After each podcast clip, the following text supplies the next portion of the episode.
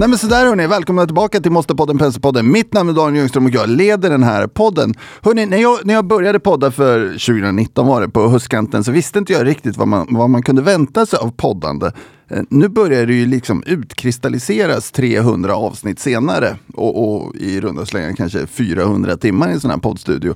Då börjar man ju förstå vad man kan vänta sig. Och en av de roliga grejerna med det här, det är att man lär sig saker. Och många, många pratar om life science-bolag och att man ska liksom passa sig och vara lite försiktig och det är digitalt och det ena med det tredje.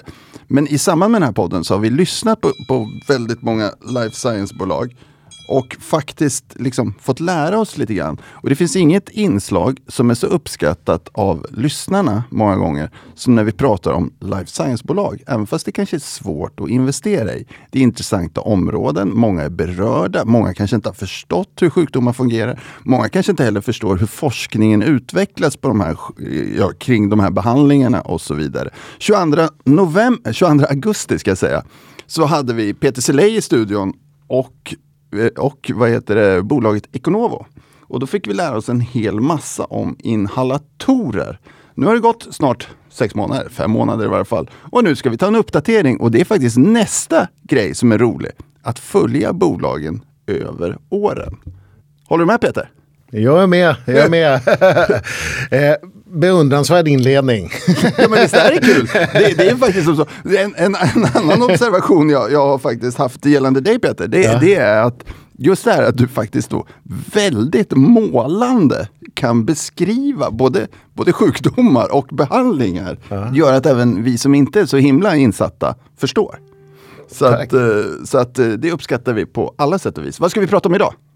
Idag är det Iconovo igen då, precis som du nämnde och eh, vi är jätteglada att Johan Weborg, vd för Iconovo är här. Och egentligen en uppdatering och eh, en, en repetition egentligen av, av Iconovo först. Då. Så varmt välkommen Johan. Eh, vi ställer den här standardfrågan för det finns nya lyssnare. Vad är Iconovo? Vad sysslar ni med egentligen? Tack Daniel, tack Peter. Kul att vara här igen. Um, Jo, Econovo är ju ett bolag som eh, sysslar med att utveckla kompletta inhalationsprodukter. Och det är inhalationsprodukter med ett torrt pulver i en av våra egenutvecklade patenterade inhalatorer. Och de flesta eh, människor känner ju till till exempel eh, Turbohalon som är AstraZenecas eh, storsäljare eh, sedan många år.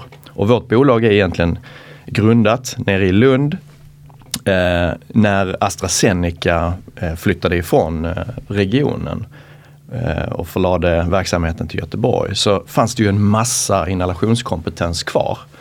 Och det här är det som har utgjort grunden till att vi eh, bildade bolag för snart tio år sedan. Och vi har då utvecklat eh, fyra olika inhalatorer, vi gör eget pulver, vi har under åren eh, kunnat ta en hel del affärer och eh, det tar lång tid att utveckla inhalationsprodukter. Det är komplexa saker. Men nu är vi i ett läge där vi är riktigt bra positionerade för att ge oss ut i, i på världsmarknaden. Va, vad behandlar ni med ert torra pulver och era inhalatorer? Ja, men det klassiska, det som vi gjorde de första fem åren i vår eh, verksamhet också, det är ju astma och KOL, kronisk obstruktiv lungsjukdom. Eh, folksjukdomar mm. egentligen. Eh, nu ser vi mer och mer, så det är fortfarande en del av vår strategi, en viktig del, generiska produkter inom det här området. Vi vill se till att eh, det globalt finns tillgång till bra inhalatorer med de här generiska produkterna. Så det finns ett skifte nu som pågår där flera patent går ut faktiskt. Eh, kring 24-25 så går det många patent. Och då vill vi vara där och kunna ta de möjligheterna och ge eh, bolag ute i världen möjlighet att utveckla läkemedel. För vi tar ju inte produkterna själva till marknaden utan vi utlicensierar. Peter, du gav en ganska målande beskrivning vid tillfället vill jag minnas mm. hur man behandlade de här sjukdomarna innan de här inhalatorerna kom. Ja usch Det var verkligen synd om de här patienterna. Kan vi bara påminna om hur det gick till? Vi har tänkt på det sedan dess. Nej men alltså eh, om vi tar, låt oss bara hålla oss till astma och inte liksom kronisk obstruktiv lungsjukdom. Så var det ju den för många patienter faktiskt dödlig. Eh, de hann inte till sjukhusen eh, i de här riktigt allvarliga astmaattackerna. Eh, de som då hann i tid och fick komma in på akuten och ta de här stora, stora inhalationsutrustningarna som det var på den tiden och, och behandlas akut. Och det fanns inte liksom en, en bra kontinuerlig behandlingsmöjlighet så att du skulle undvika detta. Det är ju där då Astras egentligen då från början inhalatorer eh, för, för Dels för att liksom lindra den akuta astmaattacken, som beta-2-stimulerare. Och sen kom då Pulmicort som var ett antiinflammatoriskt läkemedel som du kunde inhalera. Och sen så slogs detta då ihop i en, en produkt, då, Symbicort. Och sen kom Glaxo med motsvarande produkt. Och det här har ju lett till ett fundamentalt skifte eh, för, för eh, den här patientkategorin. De, de, de, kan liksom leva ett alldagligt liv. Eh, de kan liksom få dem liksom det som då på läkarspråk kallas exerbationer, det vill säga när sjukdomen för, eh, förvärras så kan de liksom egenmedicinera egentligen till stor del med de här produkterna. Så att man kan säga att det har helt förändrat eh, levnadsförutsättningar för den här typen av patienter. Eh, och det är det som ju förklarar till varför den kommersiella potentialen är så stor. Alltså det är otroligt många patienter som använder de här produkterna som nu eh, blir generiska. Det, det, den där är viktig ur ekonomisynpunkt. Och då kan, ännu, då kan ännu fler få tillgång till ja. För det finns ju många delar i dels i världen men också i våra rika västländer som, som faktiskt inte har eh, ja, fullgod behandling. Mm. Och med, med då nya generika så kan man få riktigt bra produkter då. Eh, för, för fråga, äm, äm, närmar man sig ett stadie, jag, jag vet cool, jag, kan, jag har det lite i min närhet, det är ju en ganska hemsk sjukdom om man får vara ärlig. Mm. Eh, finns det någon möjlighet, eller närmar man sig en punkt där man kan börja liksom se att sjukdomen inte liksom utvecklas vidare? Förstår ni vad jag vill? Försvåras. För, för det, det, kan man ju säga, att den blir ju alltid lite värre.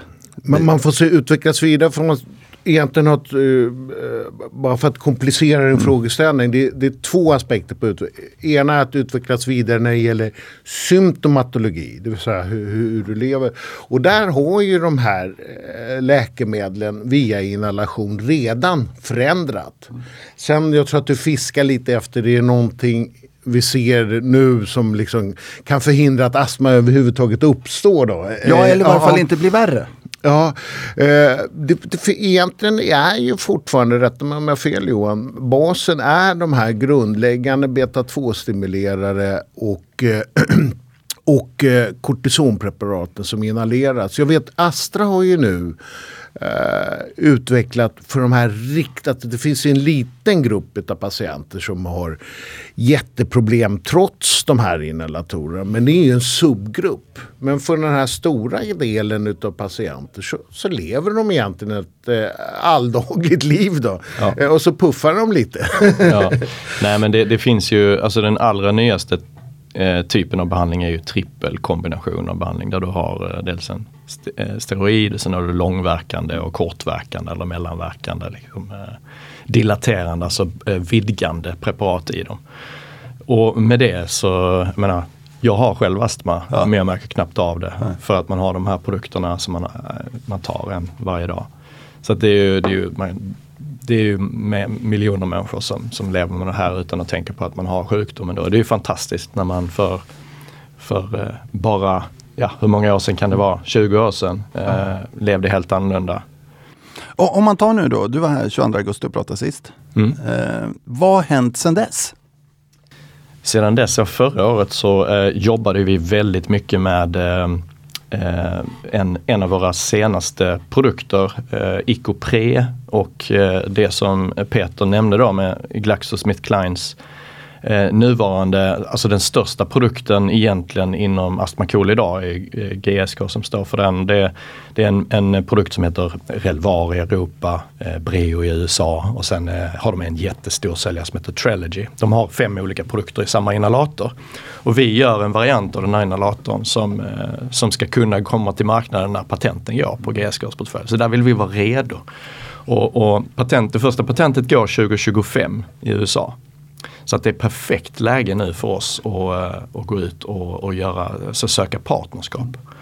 Uh, vi har jobbat väldigt mycket kommersiellt med det. Teamen har utvecklat produkten så den är färdig. Och nu för oss så, ja vi gick ut med ett pressmeddelande förra veckan att vi uh, har en, en stor uh, global komplext generikaföretag i förhandlingar.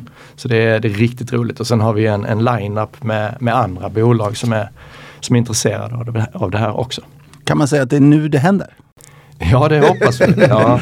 ja men, eh, vi, eh, vi har eh, tilltro till det här och det, det är nu det ska hända. Mm. För att när, om det händer nu, både för, det gäller faktiskt både för eh, den här produkten då, eh, Relvar är den första produkten.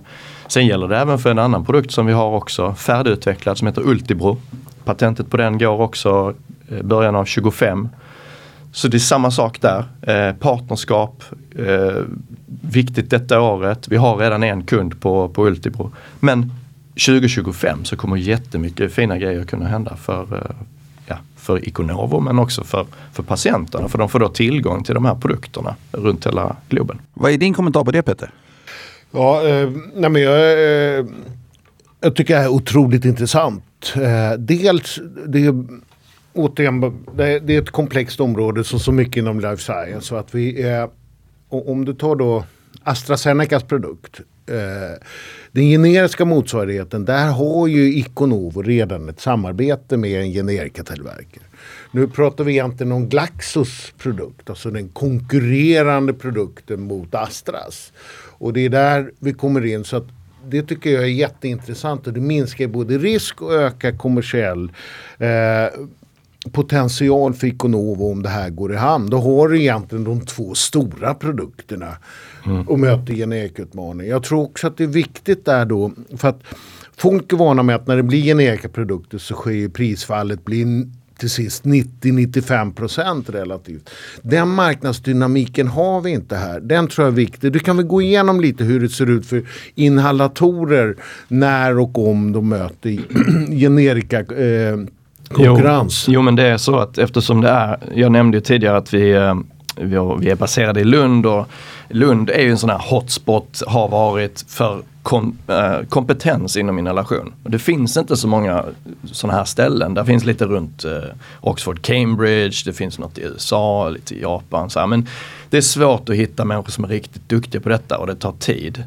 Och det betyder ju också att det, det, finns inte så många företag som gör det här och särskilt inte företag som, som, eh, som vi som, som eh, eh, kan ja, ha en öppen modell och liksom lösa problem åt andra bolag. Men för prisbilden så innebär det också att det är svårt, det är svårt att göra detta.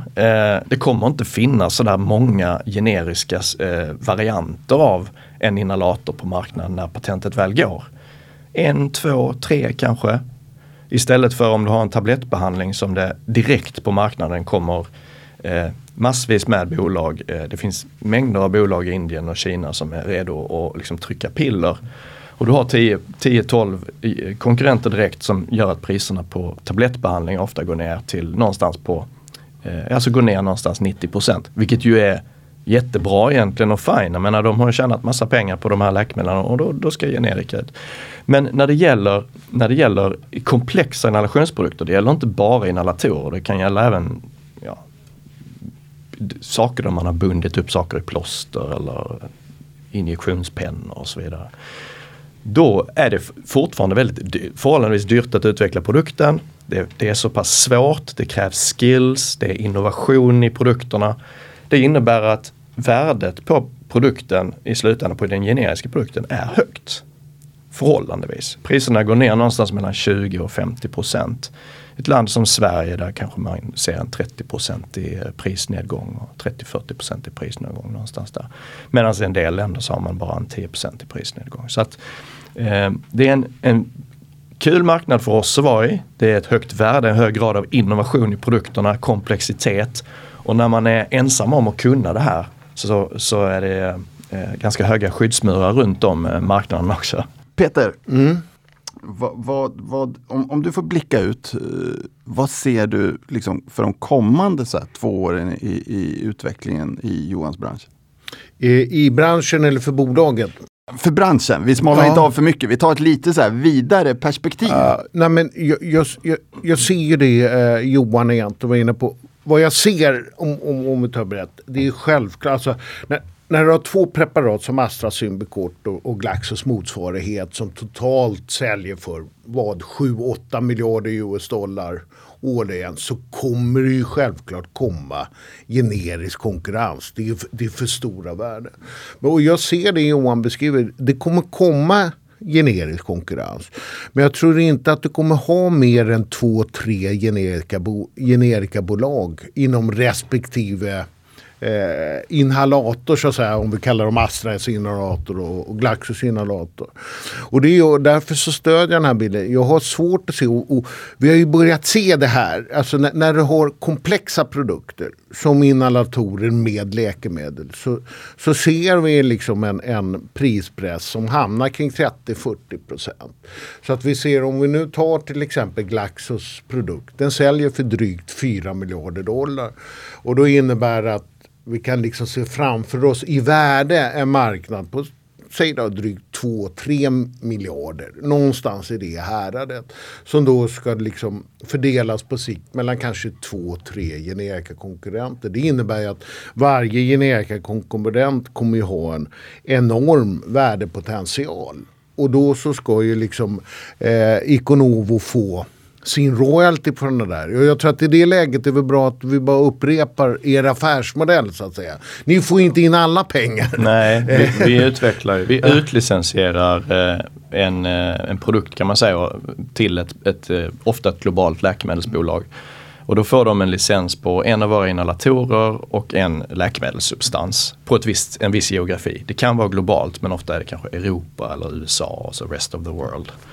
Och och eh, sen utvecklar vi de här produkterna och vi får eh, en signing fee när vi, när vi ingår avtal och sen utvecklar det mot milestones. Och sen lämnar vi över produkten och bolagen genomför kliniska studier och registrerar produkten. Och sen när vi, vi och de börjar sälja produkten så eh, eh är vi med då och får royalty på, eh, på och, det, och det ligger ungefär mellan 5 och 10 procent på en generisk utveckling. Och vi har även nya originalläkemedel som vi om, omformulerar eller formulerar till inhalation och då, då ligger eh, procentsatsen kanske något lägre men den ligger eh, strax under där också. Och det är ju förstås en, en enorm kommersiell potential för Iconovo i sig. Det, det, är bara, det är enkel matematik. Va? Liksom om vi räknar, gör det återigen, gör mellan tumme och pekfinger, säg då att marknaden värde halveras då för, för Glaxo. Då, då har du två miljarder dollar. Säg mm. att eh, potentiell partner till eh, Iconovo tar 50 procent. Då. Så har du en miljard dollar och sen så tar du liksom mm. eh, 10 procent av det. det, det är liksom, man, man, kan som allmän investerare göra med en tumme pekfinger eh, analyser av det kommersiella värdet. Och det är också viktigt, det här är ju återkommande. Plus att marknaden växer fortfarande. Nu har vi pratat om astmapatienter men det finns ju också rökarsjuka eller kronisk obstruktiv lungsjukdom. De mm. använder ju också inhalatorer så att i volym växer den här marknaden. Så att den kommer när den väl har stabiliserat sig efter prisfallet med generika så kommer den ju också fortsätta växa eh, några procentenheter per år. Ja, och det som lite verifierar vår eh, verksamhet då är att när man man tittar på antalet projekt nu som, eh, som initieras, så, särskilt under covid så har det varit ett otroligt stort intresse egentligen för inhalation och andningsvägarna, infektion och sådär. Och när man tittar på eh, de mängden av projekt som är i kliniska studier nu så har det skett en fördubbling av antalet projekt som utförs med torrt pulver i en inhalator. Eh, och när man tittar på bolags årsredovisningar och när, man, när de spanar framåt så ser man att det inte längre bara astma och KOL som är i, i inhalation utan det är eh, sjukdomar som eh, eh, det är sjukdomar som diabetes, eh, pulmonell hypertension, fibros eh, och så vidare. Så ungefär eh, 2024 så bedömer, bedömer vi att ungefär 50% av alla Alltså astma KOL kommer utgöra endast 50% av de indikationer som, som behandlas med inhalationsbehandling. Peter, om jag får mm. ställa en fråga till dig. Jag har ju en dator. Det är ju teknisk utveckling på det här, på det här stället. Får man säga. Jag, jag, jag slog upp aktiekursen eh, för Iconovo. Och så tittar jag tillbaka, då kan man ju, jag kan se på lite olika tidshorisonter, men jag kollar på ett år nu och då ser jag att aktien har backat 33 procent. Mm. Eh, aktien är noterad på First North. Nu råkar jag veta att First North som index har backat ungefär 40 procent under den tiden. Min bild innan, innan jag kollade det här, det är att, att uh, life science-bolag, om man får uttrycka sig så, har haft det supertufft under sista året. Och, och 33 procent i relativa termer är en ganska liten nedgång. Uh, även om det låter mycket i, i, i siffror, men det har varit ett tufft år får man säga. Mycket. Vad förklarar att, att Iconovo har gått bättre relativt sett andra ja, liknande bolag under sista åren? Och nu tittar du ju brett på First North. Ja. Och det, som du säger, skulle man ta Eh, kallar, vad jag kallar förväntningsbolagen inom life science-sektorn. Där har ju Iconovos eh, performance, om man ska prata svengelska, varit ännu bättre i relativa termer. Och vad jag tror, alltså vad vi såg förra året är ju förstås att eh, premie, riskpremien ökade dramatiskt och då drabbas ju förväntansbolag. Men jag tror att marknaden har tagit till sig att alltså, Iconovos finansiella risk är lägre än låt oss säga ett rent läkemedelsutvecklande projekt. Och det är det som återspeglar sig i att Iconovo i ett, återigen ett relativt perspektiv, vi har haft ett mycket, mycket bättre år förra året. Är det att vi kan prata om den fysiska inhalatorn? nej, nej men alltså det, det, är ju det. Ponera nu då att, att det här projektet misslyckas. Eh, så har ju inte eh, då har ju ändå under utvecklingsprojektets gång Iconovo fått ett antal tillfällen med påse pengar egentligen från sin partner. Det är mer det. Va? Eh, det är självklart att liksom den, den, eh, den riktiga uppsidan i projektet har ju då försvunnit om, om partnern misslyckas. Mm. Men Iconovo har inte tagit en finansiell risk under projektets gång, utvecklingsprojektets gång. Mm. Det tror jag är, är nog det viktigaste här. Mm. Vi... Att jämföra, och det förklarar att Iconovo i relativa termer har gått riktigt bra förra året. Mm vi jobbar med eh, alltså en, en, modell där vi dels har vi tre olika strategiska inriktningar men vi har ju vi har sju stycken eh, projekt som liksom sådana här licensprojekt. Och bara där är ju en avriskning såklart. Och i läkemedelsvärlden är det ju så. Man, så satsar man bara på ett läkemedel så är risken ganska stor. Visst, vinsterna mm. kan vara jättestora men risken är väldigt stor. Det ser vi på en del bolag eh, under förra året då, eh, som har både försvunnit och, och tagit rejält med stryk. Men då har ju vi eh, råd så att säga, eller att ta den risken för att vi, vi sprider ut över ett antal olika eh, utvecklingsprojekt. Och det är även vår strategi med vår, vår, andra strategi som är mot nya originalläkemedel. Där vi utvecklar eh, torra pulver eh, för till exempel enzymbehandlingar. Vi har ett oxytocin, vi har ett, eh, ett covid-19 vaccin, vi har ett nytt eh, eh helt nytt astma behandling Då. Men då, eh, då eh, utvecklar vi de projekten eh, åt, åt kunderna eh, på samma sätt egentligen som för generikabolagen i en, i en av våra inhalatorer. Och där har vi också strategin att bygga upp en portfölj med flera av de här. Så att vi har tre idag men vi ska upp betydligt högre än så. Och vi ser ett stort intresse inom det området också. Får jag ställa en till fråga till dig Peter? Mm, självklart. Jag har scrollat lite längre ner på datorn. Nu har jag faktiskt ramlat in på, på ägarlistan. Jag, jag påminner lyssnarna om att vi har sällan något manus och det har vi inte för den här intervjun heller.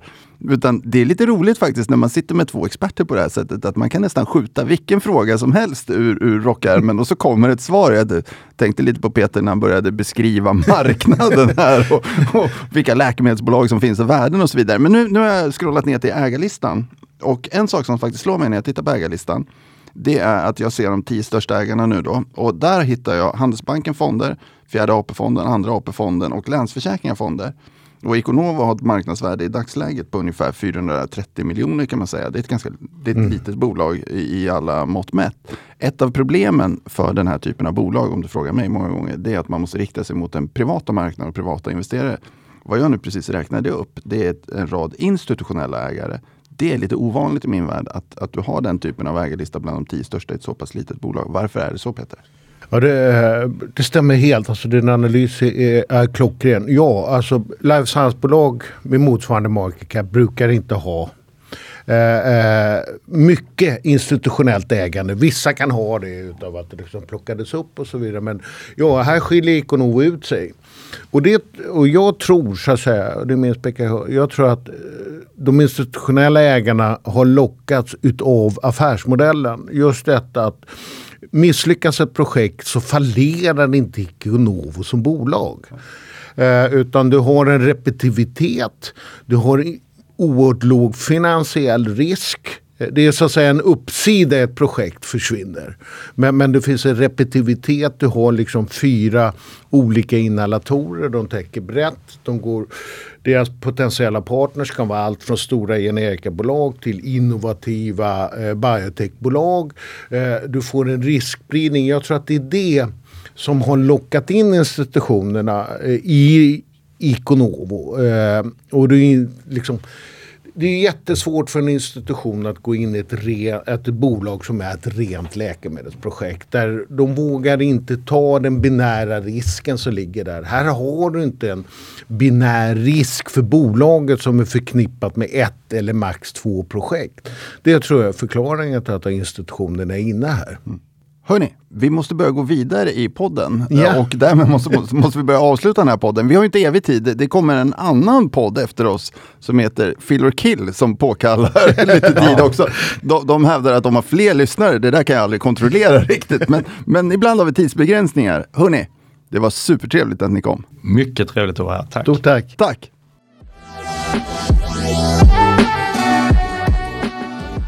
Hörni, då har vi släppt ut Ikonovo och Peter i studion. Och så har vi en helt ny laguppställning.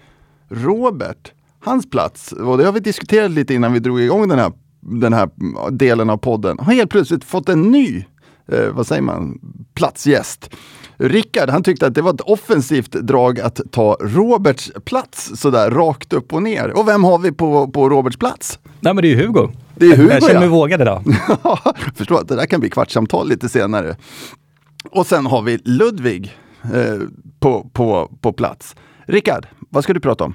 Ja, jag tänkte prata dels om ett av våra bolag eh, som vi har täckning på bland large caps, eh, Kindred. Och sen så tänkte jag prata om en initiering, A Crowd. Eh, ska vi börja med Kindred, Daniel? Ja. Rickard har ju lagt till sig med den här egenheten att han både ställer frågor och svar samtidigt själv, så mitt jobb är ju väldigt enkelt. Nej, men eh, Kindred är som sagt ett av våra bolag inom Penser eh, Research som vi har täckning på. Aktien står i 98 kronor. I dagsläget så har vi ingen rekommendation och vi ser ett motiverat värde på 98 kronor. Man står strax under 98 kronor eh, om man är korrekt. Och vad har då hänt med Kindred? Jo, förra veckan så lämnade man, man en eh, vinstvarning. Eh, ebitda väntas då uppgå till 39 miljoner pund eh, mot konsensus som låg på 53. Eh, och det som är anledningen till det här, man säger att man inte har sett tillräckligt mycket aktivitet under fotbolls-VM för att kompensera för bortfall i matcher. Marknadsföringen har varit dyr, resultaten har inte riktigt varit i linje på vissa marknader i matcherna, etc. etc. Och i samband med den här eh, vinstvarningen så lämnar man även en guidance på helåret 2023. Och eh, då säger man att ebitda ska uppgå till minst 200 miljoner eh, mot konsensus som låg då på 226 miljoner. F får jag fråga Rickard? Eh, jag tror att det kanske, jag läste lite kommentarer när, när den här vinstvarningen kom. Då tänkte man sig att det har ju varit fotbolls-VM och sådana här grejer och att man då borde tjäna liksom massa pengar. Varför blir det inte riktigt så? Ja, alltså det, anledningen att man förmodligen kanske inte tjänar bottom, bottom line lika mycket kan ju bero på två faktorer. Det första är ju att ja, men de tar ju, för det är precis som, de tar ju en risk när man ställer odds, man, man, när man tillhandahåller sportspel. Eh, där kan ju resultaten spela på ett sånt sätt som antagligen gynnar eller missgynnar, missgynnar då eh, Kindred. Eh, I det här fallet så har det varit, in, man har pratat om att det varit väldigt gynnsamma, eh, gynnsamma resultat för spelbolagen, men vissa enskilda matcher har varit dyra på vissa, på vissa marknader. Eh, en annan aspekt är ju att om man tittar, så, tittar man på de siffrorna som gavs så såg man att ja, det som stack ut var att marknadsföringskostnaderna var högre än vad jag och marknaden hade räknat med. Så det är dyrare att synas, det är ett dyrt annonsutrymme. Och sen så ser man att den nordamerikanska verksamheten, den var tydliga med att man, man, man, man, ska, man, kommer, driva, man kommer driva den med, med ett negativt resultat för att man vill långsiktigt bygga en stark närvaro på den här marknaden. Och det här har, givet, det här har belastat resultatet förmodligen mer än vad marknaden har trott. Eh, och det som vi då gör egentligen till följd av den här rapporten är att eh, vi sänker eh, estimaten. Så att nu på 2023 så har vi lagt, lagt oss i linje med, eh, med då den här guidansen, lägre delen av guidansen. Och det, fram, det vi också gör det är att vi faktiskt ändrar, ändrar vår rekommendation om motiverat värde. Eh, tidigare har vi sagt ett motiverat värde på 100, 131 kronor. Eh, vi har motiverat det här med att vi tycker att Kindred ska handlas till ett premium mot sin historiska värdering, då man har en högre andel reglerade intäkter. Vi har bedömt att man kommer se ett positivt momentum i earnings revisions, det vill säga att marknaden har för låga estimat. Eh, då kan vi säga att det här uppfylls ju inte i det här i det här kvartalet och därför tycker, sätter vi då att den ska värderas på snittvärderingen i dagsläget snarare än till ett premium. Eh, man ska i åtanke att det, det, som kan hända nu är ju att under slutet på Q4 är den mest aktiva säsongen i europeiska ligor. De matcherna kommer ju skjutas. De kommer ju spelas ett visst mål i Q1 men även, även Q2. I Q2 är det betydligt fler matcher än vad det historiska snittet. Eh, men som sagt, vi, vår bedömning var att vi trodde att vi skulle se ett positivt momentum i, i då earnings, eh, vilket skulle driva upp estimaten och därför motiverade vi ett premium baserat mot historisk värdering. Nu ser vi att ja, det här momentumet kom inte nu. Eh, på kort till medellång sikt så kan vi därför inte motivera ett premium mot historisk värdering. Mm. På lång sikt däremot så tycker vi att det är en väldigt, ett väldigt intressant bolag. Vi bedömer att man kommer kunna röra sig mot finansiella mål och ger en väldigt, som vi tycker, bra exponering mot den tämligen ocyklisk verksamhet. Bra Rickard. Kör på. Yes, och sen tänkte jag prata lite om vår senaste initiering, Acrowd. Um, Acrowd är ett kon en koncern med fokus på affiliate-marknadsföring inom iGaming-industrin. Affiliate-marknadsföring eller performance-based marketing är en form av online-marknadsföring där man som bolag då, eh, i fall, eh, tillhandahåller operatörer, speloperatörer som till exempel Kindred och Unibet med kunder. Och det här får man då betalt för genom antagligen en intäktsdelning eller man får betalt då upfront för kunderna. Uh, Acrowd, aktien handlar strax under 2 kronor eller kring 2 kronor i dagsläget och vi ser ett motiverat värde på 2,40 till 2,50 kronor. Och Anledningen till att vi tycker att Crowd är ganska intressant nu, just nu är egentligen av tre skäl. Jag har sett att bolaget genomgår en operativ turnaround. Man har, lämnat, man har varit tvungen att lämna en del marknader. Nu har man det bakom sig. Nu kan man fokusera på tillväxt. Det är det första. Så vi tror att det ligger, marknaden har inte riktigt eh, hittat hit. Det andra är att vi tycker oss se ett väldigt fint operativt momentum i bolaget. Tittar man på Crowd så kan man säga att de delar upp sina intäkter i två delar. Det är dels det traditionell, det som jag kallar för traditionell affiliation. Det innebär att du bygger hemsidor som då genererar trafik åt operatörer. Eh, det här kännetecknas av relativt höga ebitda-marginaler men kanske en lite lägre tillväxt. Sen så ett annat affärsområde som Crowd har, det kallar man då för Affiliate Network. Och det innebär egentligen att man agerar en aggregator. Det vill säga att man samlar många mindre affiliates och då slussar vidare kunder till de stora operatörerna.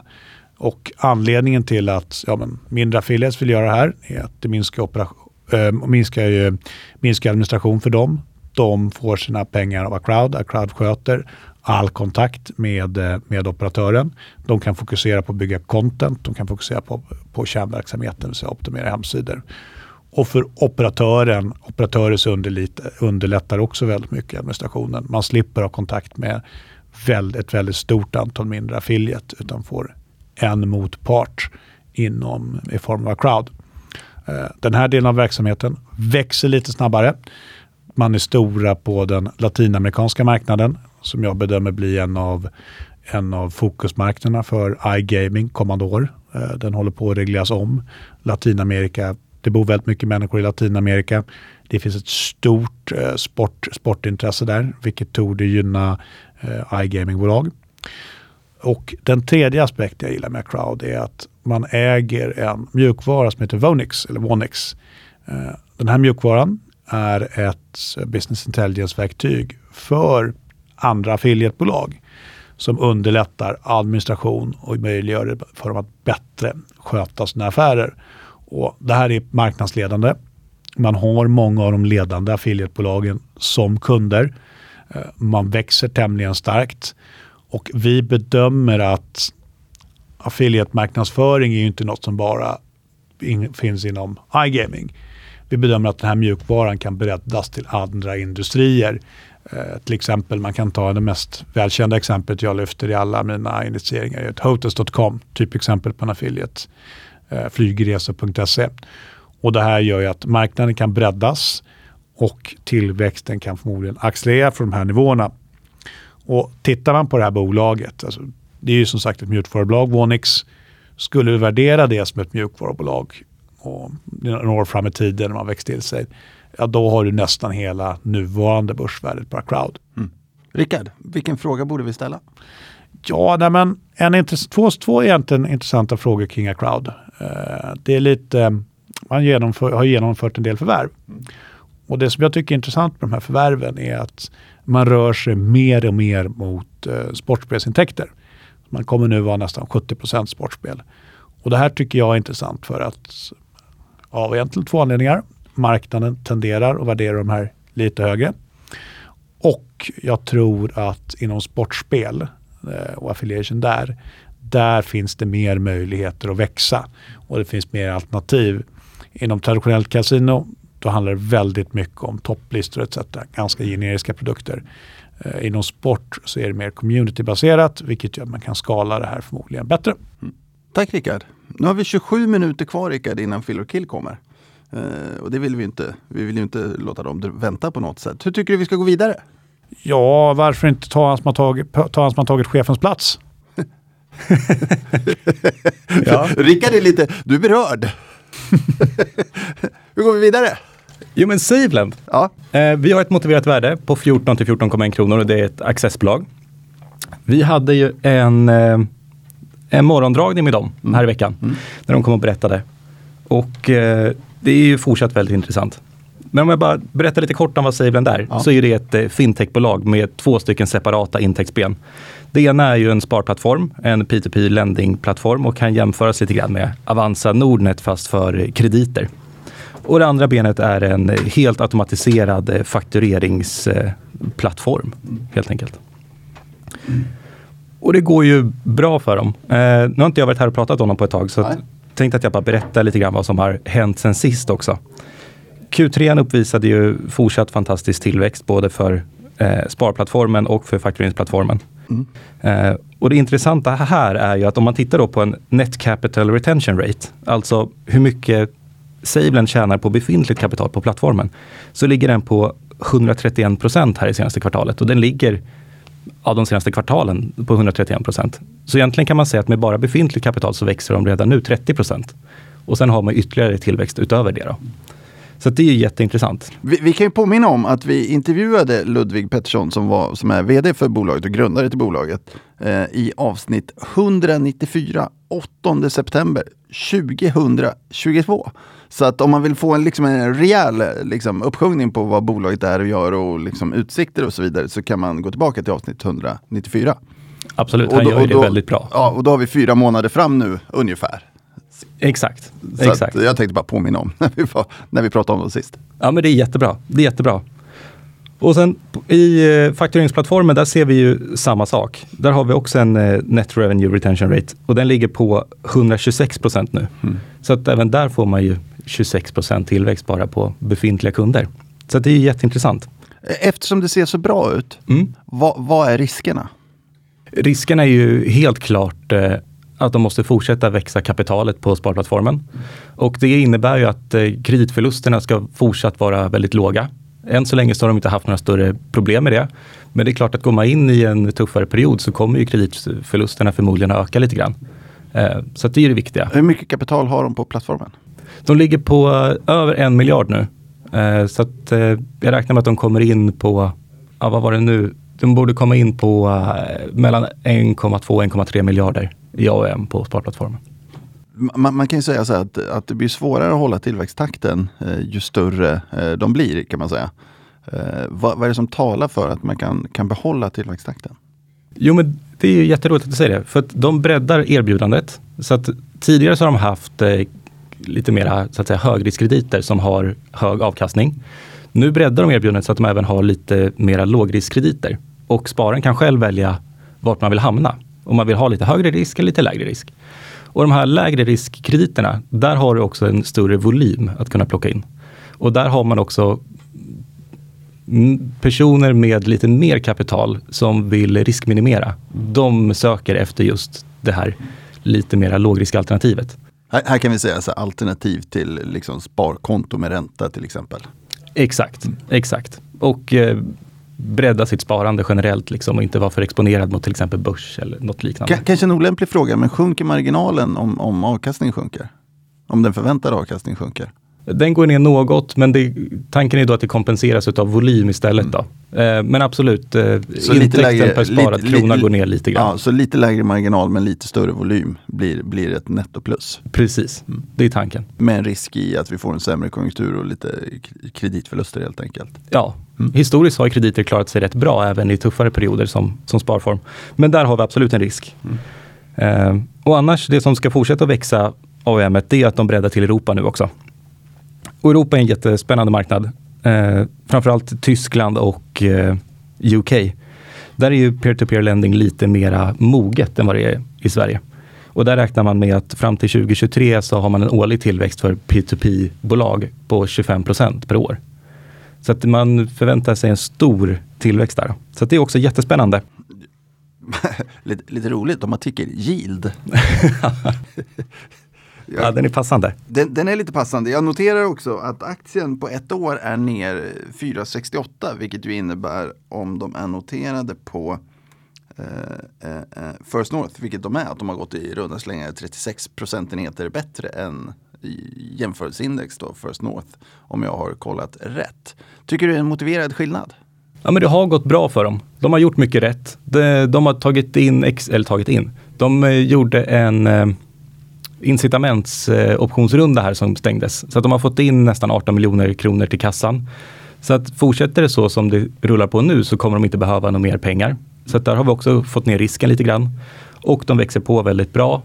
Här under Q3 så visade de positivt ebitda. Så att eh, det är mycket rullar på rätt. Så att jag kan nog tycka att det är motiverat. Absolut. Kul. Ja. Och ser vi då till eh, faktureringsplattformen så rullar den också på väldigt bra. Under Q3 här så fick de in 49 nya kunder. Och eh, då menar bolaget själva att det hade kunnat vara fler om de hade haft eh, mer personal för att kunna implementera kunderna helt enkelt. Så att den är jättespännande och där har de höjt sina mål också. Så att tidigare så ville de få in en substantiell kund per år. Nu vill de ha in det per kvartal. Så att där ser vi också en, en fin uppsida om, om det går som de tänker sig. Mm. Super. Har du något mer du vill prata om? Nej, men jag tycker att det är bra. Ludde måste få lite tid också. Ja. Ludvig, Tack för det. du har 20 minuter, så det är bara att släppa 20 loss. minuter vet jag inte om jag lyckas fylla, jo. men nu blir det life science, så nu blir det ju väldigt intressant. Ja. Här, tycker jag. Ja. Förklara lätt vad bolagen gör först så att vi, vi lekmän förstår lite grann. Vi har haft Peter Selej här inledningsvis i studion och han är ju fantastisk på att förklara vad bolag gör på ett pedagogiskt sätt. Ja, just det. Det blir så när man har många år i branschen tror jag, att Mm. man, eh, man kan förklara det på ett enkelt sätt. Vilket ju indikerar att du också kan det. Kanske det, vi får väl se. Nej, men jag tänkte prata lite om Coreline som är ett accessbolag där vi har ett motiverat värde på 31 till 33 kronor per aktie. Vi har ju haft en pre-hours med dem, alltså när de kommer hit till banken och, och mäklare och så vidare får lyssna. Så tänkte dra en liten case reminder helt enkelt på det här och vad det är för bolag och varför det är intressant. Så Coreline, de har utvecklat en teknik då för att ytbelägga både medicinska implantat och organ för att de ska accepteras bättre i kroppen. Och heparin det används väldigt, väldigt länge. Det finns en väldigt liksom, eh, stor säkerhetsdatabas på det här. Så man vet att det är säkert, man vet att det har en effekt. Eh, det består då av två ben, dels medicinska implantat som man utbelägger och dels då bioteknik där man utbelägger njurar, där man har ett fas 2-projekt. Och inom medicinteknik är man nästan kassaflödespositiva. Och det är ganska spännande just för att det är ett väldigt tidigt bolag och det är väldigt unikt just att man är kassaflödespositiv eh, när man är så, så små då egentligen. Eh, därtill så har man då det här projektet inom njurtransplantation där man snart ska inleda en fas 2-studie. Och vi kan se att man kan försvara hela den här dagens värdering och mer därtill enbart på medicinteknik. Så att den här biotech-delen då får man som en option egentligen som investerare. Så vi ser ju en väldigt stor uppsida i det här eh, på sikt. Det finns inga så här jättetydliga triggers just nu som ska få den liksom upp till vårt motiverade värde. Men kvartalsrapporter är ju en viktig trigger där man visar att försäljningen kommer igång från den här medicintekniska delen. Och sen har vi då start av eh, fas 2-studien och sen under kanske nästa år resultat från den här. Mm. Så det är väl det viktigaste om, om det bolaget. Eh, Helt klart spännande och som sagt lite lägre risk än kanske genomsnittsbolaget i och med att de faktiskt är kassaflödespositiva på sin medicintekniska verksamhet. Nu, nu är inte vi aktieägare, men om vi hade en aktieägare här nu i rummet, Ja. vad skulle han fråga dig?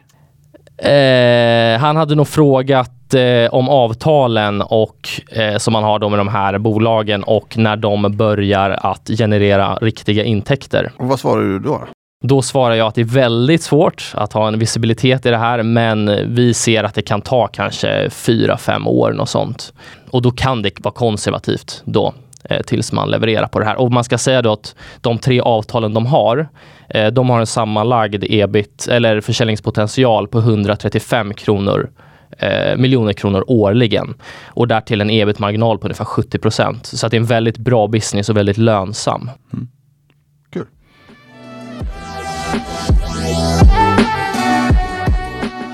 Hörni, vi är inte riktigt klara med podden än. Fill or kill får vänta någon minut. Vi har Hjalmar i studion. Och vad ska du prata om Hjalmar? Uh, yes, idag så ska vi prata om Systemair. gjorde jag senast jag var här också, men sedan jag var här senast så har ju bolaget anordnat en kapitalmarknadsdag. Så jag ska, jag ska prata lite om vad jag tog med mig där och reflektera lite vad det betyder för Du, framtiden. du fick några insikter. Exakt, det stämmer. ja. eh, Systemair accessbolag, eh, ledande tillverkare av eh, HVAC-lösningar och med en stor andel, cirka 5 eh, av den globala marknaden. Vi har ett motiverat värde på 83 till 85 kronor som vi höjde i morse då med eh, 5 kronor från tidigare 78 till 80. Senast betalt idag var 72 kronor. Aktien eh, gick ner lite här på morgonen. Eh, men det var i tisdags här som eh, bolaget hade kapitalmarknadsdag i Skinnskatteberg. Eh, det här är ju då den första bolagsdagen sedan 2019, så fyra år sedan senast och nu var det dags igen. Man presenterade finansiella mål. Rent praktiskt så var det här att man upprepade de tidigare målen från 2019 som, som omfattar då en, en topline-tillväxt om 10 procent. Eh, CAGR då årligen. Eh, ebit-marginal om minst 10% soliditet minst 30 eh, eh, eller förlåt, soliditet 30% utdelningsandel minst 40 Eh, och eh, kollar man lite på strategin eller planerna för att uppnå det här så har man för tillväxten då presenterat utvalda fokusområden. Eh, det här omfattar till exempel sjukhus, vårdinrättningar, eh, datacenter, allmänna byggnader, till exempel skolor som vi har sett eh, hittills har varit en, en stark drivare av tillväxten. Eh, och det här är områden som ställer stora krav på luftkvalitet eller nedkylning och, och där den underliggande marknaden växer kraftigt rent eh, strukturellt. Eh, man ska addera lite till sitt eh, produktutbud, bland annat för vanliga bostadshus så ska man accelerera lite inom, inom värmepumpar. Man ska växa tjänsteintäkterna då och eh, bedömer att man kommer kunna redovisa en, en, en tvåsiffrig årlig tillväxt i, i, i tjänstebenet då fram till 2025-26. Eh, och kollar man utanför bolaget då, så finns det ju strukturella medvindar. Det här har vi pratat mycket om tidigare. Eh, den största här är kanske då Green Deal, alltså EUs jättestora initiativ. Vad det här innebär i praktiken är att man fram till 2030 då ska fördubbla renoveringstakten i Europa och det här omfattar ungefär då 35 miljoner byggnader. Eh, vi har även sett i USA Eh, två offentliga initiativ som kallas eh, bland annat Build Back Better eh, och det här som kallas Inflation Reduction Act. Det här är sådana här energi och miljöfrämjande initiativ då som, som bland annat innebär en, en utbyggnad av, av infrastruktur och som, som verkar som en stark underliggande trend för Systemair. Eh, på marginalsidan eh, så ska man eh, arbeta i Europa med att reducera ledtiderna i produktionen. Man ska standardisera tillverkningsprocesserna och utöver det så ska man fortsätta att driva den här ska man säga, förstärkta ma agendan som man har accelererat nu de senaste åren här. Och Eh, M&A för bolagets del är ju en ganska viktig del för att man ska uppnå de här 10 procenten. För man ska ha med sig att det är en underliggande marknad som växer med ungefär 5 procent årligen. Så ska man ha dubbla takten, då, då kommer det naturligtvis för ett så här stort bolag behövas tillskott från, eh, från, från förvärvssidan. Um, så eh, vad, vad, vi tar med oss, vi tycker väl att, att det, det, som framkom här, det belyser våran vy eller understryker våran vy att bolaget har många starka strukturella medvindar som kommer jobba till bolagets fördel här och man har en tydligt definierad eh, väg för att nå de här målen. Um, och, och eh, Ska man liksom se på vad, vad, förväntningarna låg, kanske det fanns vissa förväntningar på att man skulle presentera lite mer aggressiva tillväxtmål. Eh, för min egen del så, så, tycker jag liksom inte att eh, det, här, det här är någonting, utan jag tycker 10% är fortfarande liksom ett mål där man tar i, givet hur vi ser att den underliggande tillväxten ligger, samtidigt som vi, vi kanske om vi blickar fram i 2023 här, har eh, lite osäkra utsikter inom eh, byggkonjunkturen till exempel, som en stark drivare för bolaget. Um, men en, en, annan sak som eh, jag tycker är viktigt att vi tar med oss, det var ju att man i samband med kapitalmarknadsdagen då publicerade en, en finansiell uppdatering eh, där man berättade hur eh, utvecklingen har varit de första två månaderna här i Q3 som vi är inne i nu för bolagets brutna del. Då. Eh, och man sa att under november och december så har eh, topline-tillväxten varit 31 procent. Eh, bolaget ser en fortsatt god orderingång. Eh, och det här ska man då ha i ljuset av att bolaget under Q2, eh, som jag pratade om senast, eh, citerade en, en bärande orderingång. Och det här får man ju verkligen se som att man har lyckats eh, leverera på, på det och att det verkligen fanns en stark orderingång. För att Eh, även om man justerar för, för både valutaeffekter och mina förväntningar på, på förvärvsdrivna eh, effekten under Q3 så är det otroligt starkt med cirka 20 procent eh, organiskt bedömer jag. Ehm, och det här är naturligtvis då både volym eh, och prissättning som, som driver den organiska tillväxten. Och, eh, jag bedömer väl någonstans att fördelningen ligger eh, två tredjedelar eh, prissättning, en tredjedel eh, volymtillväxt. Så det, det, är en kombination där. Eh, kollar vi lite på vad värderingen och bolaget befinner sig just nu. Vi ser att eh, ev-ebit framåtblickande har expanderat. Man handlas i tillfället då för, för kommande 12 månader mellan 18 och 19 gånger rörelseresultatet. Eh, man ska med sig att det finns ett inslag av en artificiell komponent i det här om man kan säga så. För att eh, man gjorde en ganska stor eh, transaktion här tidigare under hösten där man, där man sålde av eh, en stor del av eh, en stor verksamhet till Panasonic och den här likviden har man inte fått än samtidigt som estimaten har kommit ner. Men trots att om man skulle justera för det här så ser vi en, en multipel som i en historisk kontext är lite högre än, än vad man har handlat historiskt.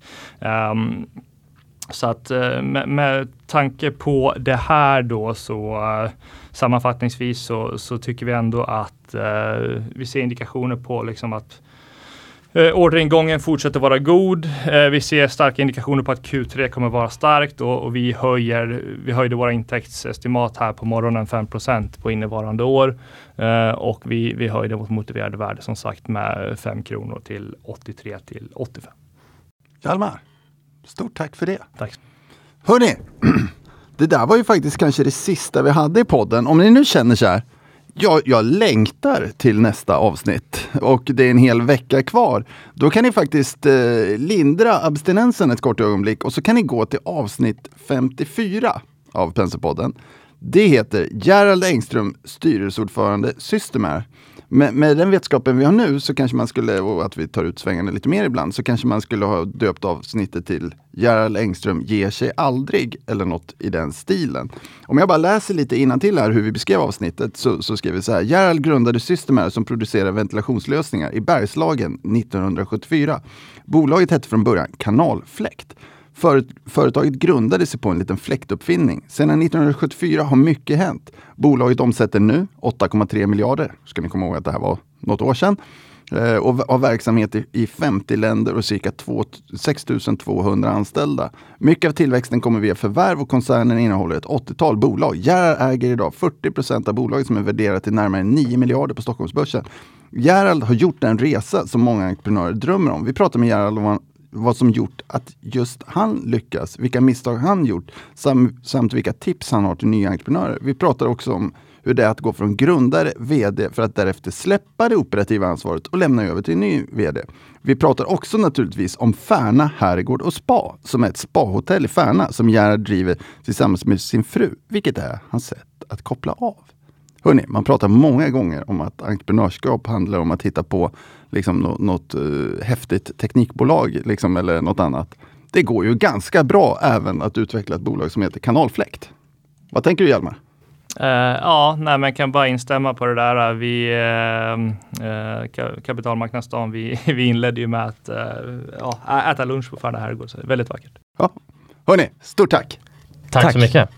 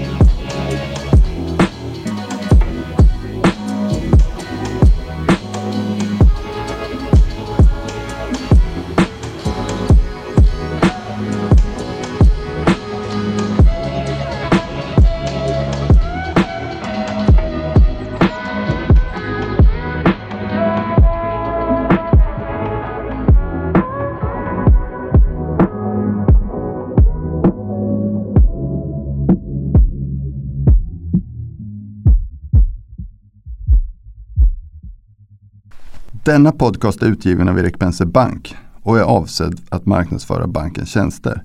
Vissa bolag som nämns kan därmed ha något samarbete med banken i form av fondförvaltning, analystjänster, certified advisor-uppdrag med mera. För mer information om dessa tjänster, fondförvaltning och även bankens hantering av eventuella intressekonflikter vänligen se bankens hemsida www.penser.se. Vänligen notera att investeringar i finansiella instrument, inklusive fonder, är förknippade med risk. Historisk avkastning är en garanti för framtida avkastning. De pengar som placeras i finansie finansiella instrument kan både öka och minska i värde och det är inte säkert att du får tillbaka hela det insatta beloppet. Ingen del av Penserpodden ska uppfattas som investeringsrekommendation. Informationen är heller inte att betrakta som investeringsrådgivning då den inte tar hänsyn till mottagarens specifika investeringsmål, ekonomisk situation eller kunskap. De uppfattningar som redogörs för i podcasten återspeglar de medverkandes uppfattning för tillfället och kan därmed ändras. Externa gäster i Penserpodden framför sina egna åsikter som kan avvika från bankens uppfattning. Banken frånsäger sig därmed allt ansvar för investeringsbeslut och för direkt eller indirekt förlust eller skada som grundar sig på mottagarens användande av informationen i podcasten.